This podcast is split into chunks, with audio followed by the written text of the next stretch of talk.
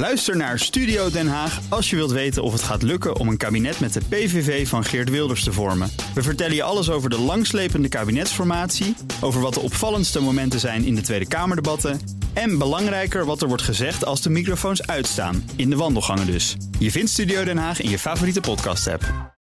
De column van Marianne Zwagerman. NOS-hoofdredacteur Marcel Geloof haalt in zijn jaarreden voor het genootschap van hoofdredacteuren, waarvan hij voorzitter is, uitspraken aan van de Raad voor de Rechtspraak. Die riep politici vorig jaar op te stoppen met het verdacht maken van rechters. De Raad vond dat ondermijnend voor de rechtsstaat. Rechters zouden respect moeten oogsten in plaats van verdachtmakingen. Waar doet dat me nou aan denken, zei Geloof? Ik neem aan dat hij daarbij denkt aan de NOS is fake news stickers op lantaarnpalen. Ik neem aan dat hij denkt aan het onderzoek waaruit blijkt dat 20% van de jongvolwassenen in Nederland ervan overtuigd is dat journalisten van nieuwsorganisaties bewust onjuiste en misleidende berichten verspreiden. Dat percentage is in korte tijd meer dan verdubbeld. Het wantrouwen tegen de mainstream media explodeert. Geloof ziet de toon van het debat scherper worden en zich meer en meer richten tegen de journalistiek.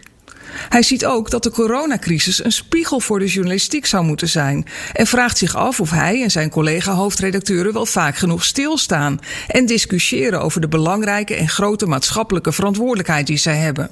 Ook voor het gedaalde vertrouwen in de journalistiek. Welke rol hebben we er zelf in gespeeld en wat betekent dat voor onze dagelijkse journalistieke aanpak? gooit hij in de groep. Goeie vragen. Maar er staan geen antwoorden in zijn epistel van 3350 woorden dat op Villa Media is gepubliceerd. Wel haalt hij de vorige jaarmiddag voor corona aan.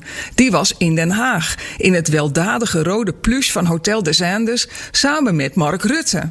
Rutte was anderhalf jaar geleden ook bij de viering van het 60-jarig bestaan van het genootschap. En zei toen dat het een groot gevaar is dat het steeds salonveiliger wordt om de serieuze media de schuld te geven van van alles en nog wat. Mij lijkt het een groter gevaar dat de uitvinder van de Haagse doofpot, die de Rutte-doctrine is gaan heten, de man die laatst zei dat hij media zal overladen met grote flessen wijn en eten, blijkbaar altijd aanwezig is als hoofdredacteuren wat te vieren hebben. De Raad voor de Rechtspraak zingt inmiddels al een toontje lager. Hun werkgroep Reflectie Toeslagenaffaire schreef een vernietigend rapport. De rechters leiden aan tunnelvisie en hebben burgers niet beschermd. Het wachten is op het rapport van de werkgroep Reflectie Coronacrisis van het Genootschap van Hoofdredacteuren. Ook Bas van Werven vind je in de BNR-app. Ja, je kunt live naar mij en Iwan luisteren tijdens de ochtendspits. Je krijgt een melding van Breaking News. En niet alleen onze podcast Ochtendnieuws, maar alle BNR-podcasts vind je in de app. Download nu de gratis BNR-app en blijf scherp.